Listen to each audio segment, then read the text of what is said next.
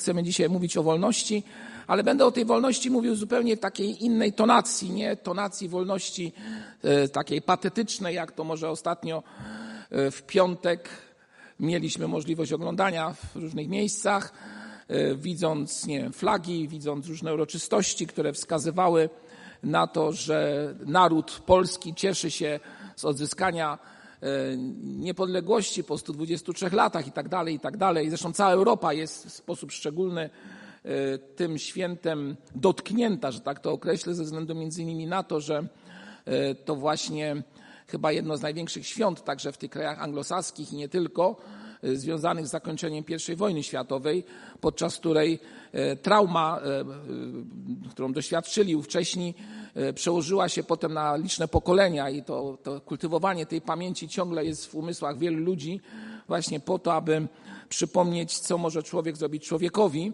i jak często wolność musi być okupiona bardzo dużą ofiarą e, tych, którzy musieli zginąć, aby, nie wiem, mrzonki rodzin, które w sumie się bardzo dobrze znały, e, zaspokoić, tak to określę. Tak tylko dodam, że właśnie ten czas, o którym przed chwilą wspomniałem, czas e, I wojny światowej i po nim, to taki troszeczkę dziwny czas, gdyż gdybyśmy spojrzeli na kwestię historyczną związaną w ogóle z genezją po e, wybuchu konfliktu I wojny światowej, to moglibyśmy zadać sobie pytanie, jak to jest w ogóle możliwe, że pokłóciły się dwory europejskie, które de facto, albo w których de facto jedni z drugimi byli spokrewnieni.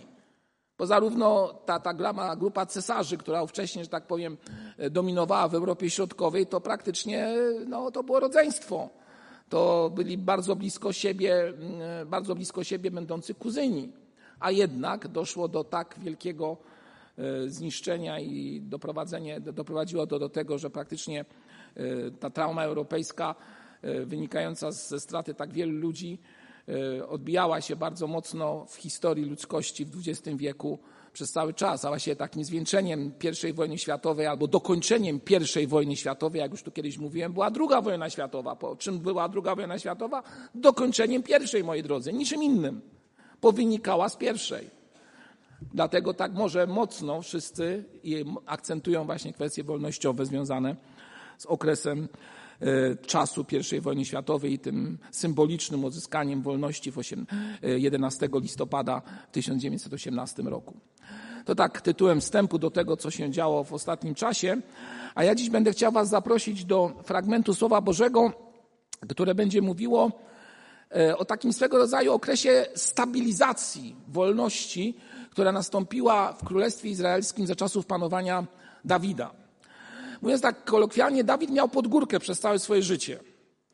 E, nie był to człowiek, który żył sobie w sposób e, bezpieczny, spokojny, bez wrogów, E, aczkolwiek wyciągnięty ze specyficznego miejsca, w którym przebywał i naznaczony na króla w Izraelu przez odrzucenie pierwszego z królów, człowiek ten jednak nie miał spokoju i praktycznie, jak mówi Pismo Święte, jego ręce były ubrudzone krwią.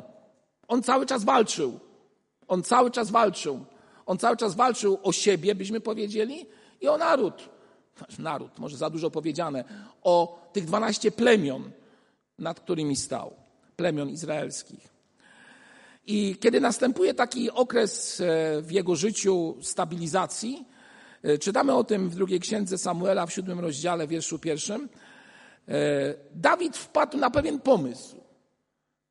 Pomysł ze wszechmiar bardzo ciekawy i w dużej mierze miał on oddawać chwałę Bogu, jednak niekoniecznie w tej wolności, która została mu dana, został ten pomysł zaakceptowany przez Twórcę. Myślę, że wielu z Was wie, o czym będę chciał mówić. A więc druga księga Samuela, siódmy rozdział, wiersz pierwszy. Gdy pewnego razu król siedział w swoim domu, a Pan dał mu wytchnienie od wszystkich okoliczności, nieprzyjaciół jego wokoło, rzekł król do Natana, proroka: Patrz, ja mieszkam w domu z drzewa cedrowego, a skrzynia Boża jest pomieszczona w środku namiotu. Wtedy Natan odpowiedział królowi: Wszystko, co masz w swoim sercu, uczyń, gdyż Pan jest z tobą.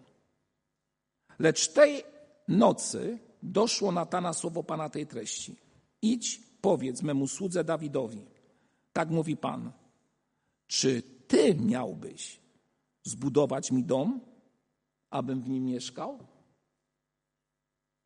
Ciekawe, w ogóle ciekawa historia, w której, e, tak jak powiedziałem, dobre nastawienie, wdzięczność, która jest w sercu Dawida za chwilę wytchnienia, wdzięczność, która ma się wyrazić w tym, że będzie coś chciał zrobić bezpośrednio dla Boga.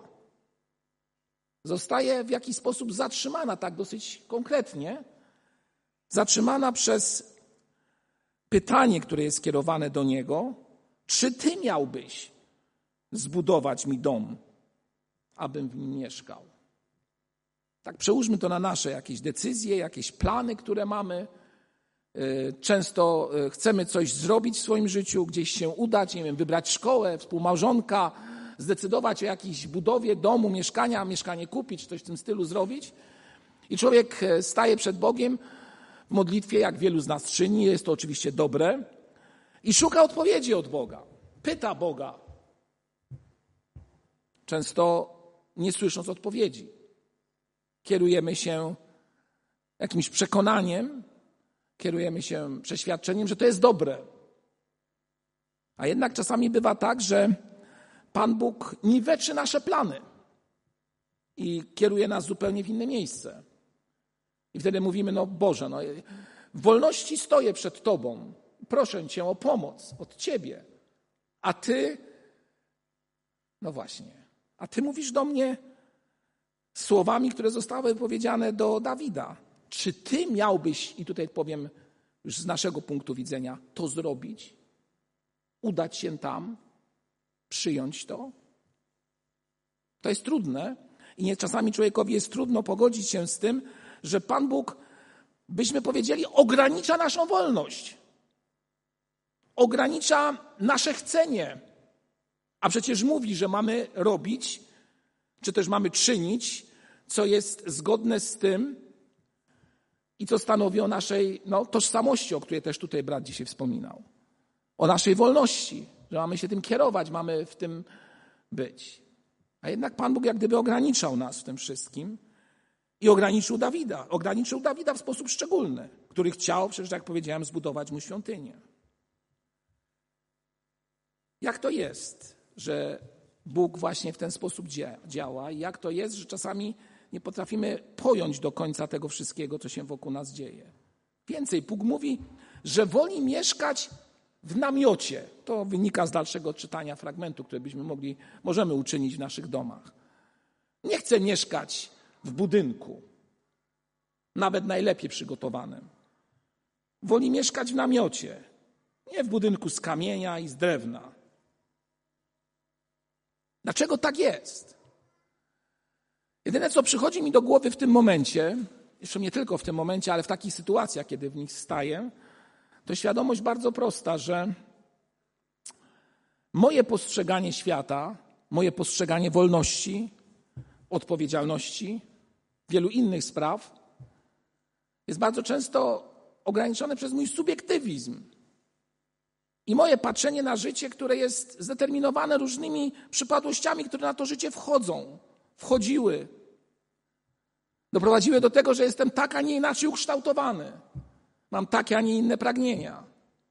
I to powoduje, że nie potrafię ogarnąć, zrozumieć wielkości i mądrości Bożej, która w tym wszystkim jest wokół mnie. I kiedy Bóg robi coś nie tak, jak ja myślę, w tym momencie zaczynam pytać, dlaczego. Zaczynam zastanawiać się, czy Pan Bóg mnie opuścił? Ale właśnie czytając ten fragment, widzimy bardzo dobrą postawę człowieka, który będąc na szczycie, na szczycie swojego tego doczesnego życia, na szczycie jakiejś tam potęgi, moi drodzy, żeby było jasno, czasami te środowiska ewangelikalne zbyt mocno gloryfikują potęgę Izraela w tamtym czasie. Moi drodzy, owszem, miało, miało, miało państwo Izrael, jeżeli można mówić w ogóle o państwowości, ale miały te plemiona jakąś swoją tożsamość, ale moi drodzy, one zawsze były między wschodem i zachodem, tak jak Polska. Tam zawsze był Egipt na zachodzie i na wschodzie Babilon, tudzież Asyria. Tam nigdy nie było takiej wiecie, potęgi, jeśli chodzi o Izrael. No ale jakaś tam wolność faktycznie była jego udziałem. Pan Bóg jednak kierując e, te słowa do Dawida przez proroka, ogranicza go. A ten człowiek, czyli Dawid, wielki król, ówczesny król, który, tak jak powiedziałem, doprowadza do jakiejś stabilizacji ten, te plemiona, które, że tak powiem, wkroczyły w tą ziemię obiecaną, potrafi się ugiąć.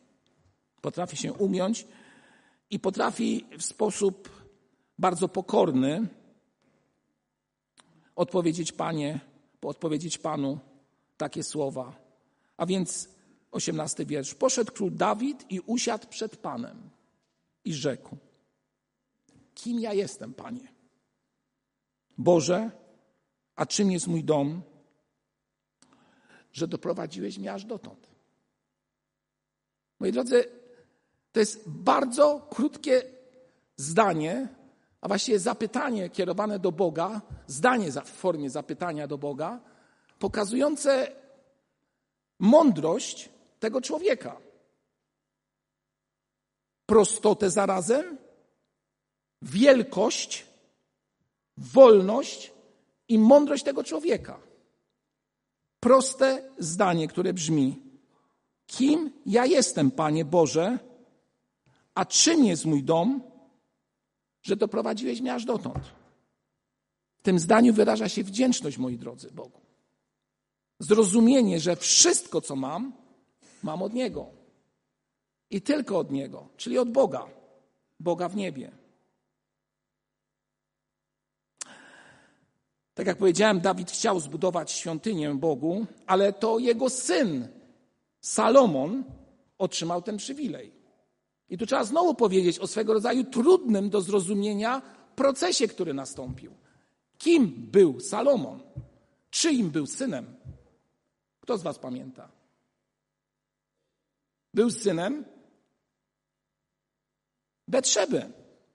Czyli można je powiedzieć, synem ze związku ze wszechmiar niekomfortowego, wręcz amoralnego byśmy powiedzieli, w którym był wątek zabójstwa. Nie rozumiem działania Bożego, ale właśnie takiego Bóg wybiera człowieka. I ten zostaje w tym wszystkim jeszcze tak ubłogosławiony, mowa o Salomonie, że to on buduje świątynię, a nie Dawid, który był, jak czytamy w Piśmie Świętym, według serca Bożego. Boże działanie i uwaga, co teraz powiem, Boża wolność w wyborze jest wolnością prawdziwą. Moja wolność jest wolnością nabytą. I często ta wolność jest zdeterminowana przez okoliczności. A w przypadku Boga, kto go determinuje? Kimże ja jestem, żeby móc z nim rozmawiać o czymkolwiek? Z nim rozmawiać o czymkolwiek. A więc idąc dalej tym tokiem myślenia, możemy dojść do takiego momentu, że Dawid jest swego rodzaju symbolem Chrystusa w cierpieniu, tak bym to określił, to jeden z cytatów z książki, i zwycięstwa nad wrogiem. Ale Salomon jest kim? Jest pokazaniem chwały Bożej po jakichś takich walkach i trudnościach, i jest tym obrazem prawdziwego króla, który staje się swego rodzaju kamieniem węgielnej nowej budowli. Boży wybór, Boża wolność, Boże decydowanie. Bóg mówi: Ja będę mu ojcem, a on będzie mi synem. To czternasty wiersz. Gdy zgrzeszy, ukażę go rózgą ludzką i ciosami synów ludzkich. Lecz łaska moja od niego nie odstąpi. Jak odjąłem ją Saulowi, którego usunąłem sprzed ciebie. Tekst, moi drodzy, bardzo trudny. Chociaż wydaje się bardzo błogosławiony. Bo mówi o czym? Mówi o tym, że Dawid będzie miał swego rodzaju błogosławieństwo Boże, niezależnie co zrobi, zostanie łaska nad nim, Boże dotknięcie. I nie będzie to takie, nawet jeżeli będzie Dawid ukarany, dotknięcie odsunięciem, jakiego doświadczył Saul. Boży wybór. A może właśnie to, o czym dziś słyszeliśmy. przygarnięcie przez Boga nas jako dzieci Bożych. Po czym różni się Dawid od Saula?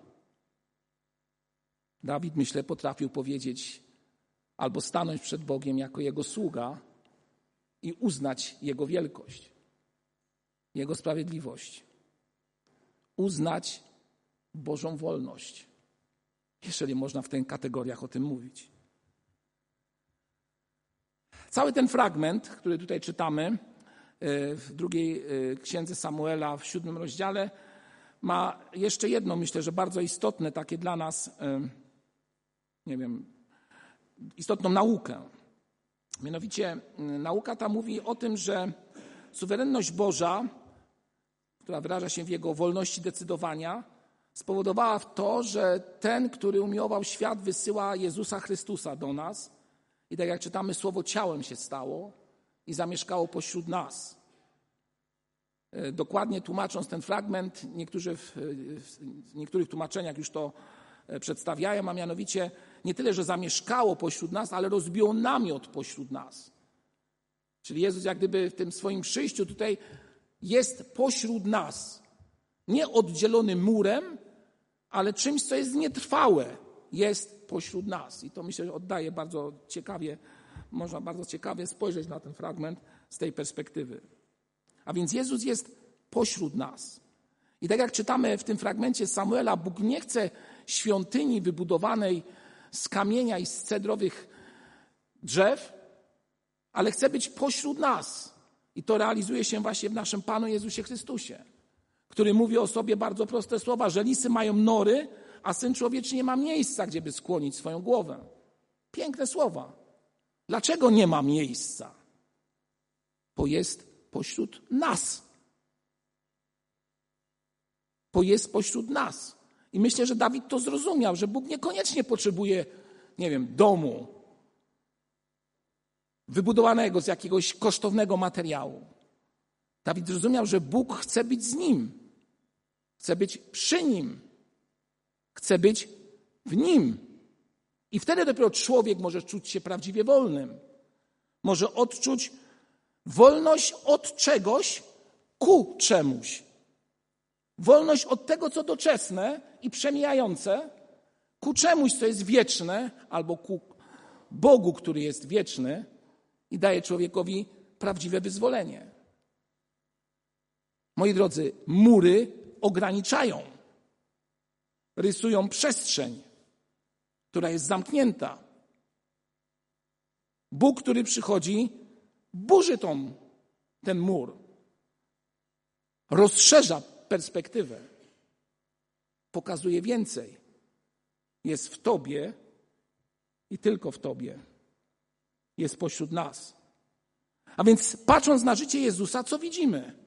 Że Jezus de facto był osobą bezdomną. Nawet z perspektywy Nowego Testamentu widzimy bardzo charakterystyczną sprawę. Mówi się, że pochodził z Nazaretu, ale de facto cały czas mieszkał w Kafarnaum u Piotra. Tak kątem byśmy powiedzieli. No. Niesamowita sprawa, ale tak jest. On nie miał czegoś, co stanowiłoby o jego domu. On tego nie miał. Dlatego, że on chciał być z nami, blisko nas, we wszystkim, koło nas. Człowiek buduje dom. Próbuje zbudować dom rodzinny. I myślę, że młodzi, ale także i starsi mają w tym jakieś już doświadczenie. Przez dom bardzo często rozumie się taki stereotyp myślowy, który mówi tak, wybudujemy dom lub też kupimy mieszkanie, zapożyczymy się i uwijemy takie swoje siedlisko, w którym będziemy bardzo blisko siebie. No i budujemy. No i kupujemy. I teoretycznie jesteśmy. Nawet mamy to dobrze wyposażone, to miejsce dobrze wyposażone. Ale moi drodzy, to nadal i ciągle nie jest dom. To nie jest dom. Tam nie ma wolności. Dom rozpoczyna się kiedy? W którym momencie? Kiedy jest budowana przede wszystkim między tymi, którzy są w tym domu, co? Relacja. To jest dom. I tą relację miał Dawid. I on to zrozumiał. Pan Bóg mu powiedział: Nie potrzebuję Twojego domu, który Ty mi zbudujesz. Ja potrzebuję Ciebie. Takim, jakim jesteś. I to jest istota, to jest to clue wszystkiego, co dotyczy każdego z nas. Bo Pan Bóg chce być przy Tobie i w Tobie. To Jezus, nie wiem, opluty był z oplutymi. No paradoks, ale tak było. To Jezus, który został odrzucony, był z tymi, którzy go odrzucili. Bo On był i jest pośród nas. On jest i był pośród nas. Dobrze jest mieć dom taki, jak na przykład my tutaj mamy jako społeczność ludzi wierzących, bo możemy się spotkać. Ale moi drodzy, ten mur nie będzie znaczył niczego dopóty, dopóki nie będzie relacji między nami. Między Tobą i mną, między Tobą a Bogiem. On będzie niczym. Absolutnie niczym.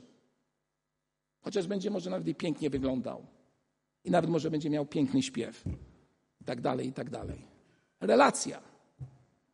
To jest istota. Istota prawdziwej wolności człowieka. Bo człowiek, który jest ku Bogu, z Bogiem, tą wolność otrzymuje. Dlaczego tą wolność utrzymuje? I czy ona się wyraża? Ona wyraża się przede wszystkim w tym, że jesteś blisko tego, który jest blisko ciebie. I to nie jest definicja z logiki to samo przez to samo, ale jest czymś oczywistym. On jest blisko ciebie, a ty przez to możesz być blisko z nim. Bardzo blisko z nim. I wtedy dopiero człowiek może być wolny. Powie, komu zawierzył i na kim buduje. Na kim buduje swoje życie. Nigdy nie wybudujesz na swoich teoriach, na swoich pragnieniach. Dawid miał ten przywilej, że przyszedł do niego prorok i mu powiedział: Słuchaj, no fajnie, że chcesz wybudować, tak to sparafrazuję, ale ja chcę inaczej. My czasami tak nie mamy takiego proroka, który do nas przychodzi, ale mamy Pismo Święte i tam ewentualnie możemy zobaczyć, co jest istotne, jeżeli chcemy, bo to też nie jest zawsze takie oczywiste. Ktoś musiał przyjąć w sposób pokorny głos Boga i zostało mu to poczytane za sprawiedliwość. Tym kimś był Dawid. Tym kimś możesz być ty. I Dawid na koniec mówi: Zechciej więc pobłogosławić dom sługi Twego, aby trwał na wieki przed Tobą, to wiersz 29, bo Ty, Panie Boże, to obiecałeś i błogosławieństwem Twoim pobłogosławiony będzie dom Twojego sługi na wieki. O co prosi Dawid? Znowu w swojej mądrości, która została mu dana od Boga, prosi o bardzo prostą sprawę o błogosławieństwo dla domu. On nie pyta, kto wybuduje, on nie pyta, czy w ogóle ktoś wybuduje. On tylko prosi o jedną rzecz: o błogosławieństwo dla domu. Jakiego domu? Nie materialnego, ale duchowego. Czym jest Kościół? Kościół to zbiór ludzi wywołanych ze świata, którzy mają relacje z sobą, a przede wszystkim z Bogiem. Czym jest dom rodzinny? Nie pięknym mieszkaniem i domem, lecz miejscem, w którym jest relacja dwojga ludzi będących ze sobą i dzieci, które są z nimi, dopóty są. Tym jest dom. Tym jest miejsce, gdzie można być razem ze sobą w Bogu. I to zrozumiał Dawid. I przestał dyskutować z Bogiem. Tylko prosił o jedno: Panie, pobłogosław. I Pan Bóg pobłogosławił. I dziś mogę powiedzieć, z perspektywy czasu, czytając historię tego człowieka, króla w Izraelu, że ten człowiek był prawdziwie wolnym człowiekiem. Wolnym w Bogu bo tylko w nim można być prawdziwie wolnym. Prawdziwie wolnym. Amen.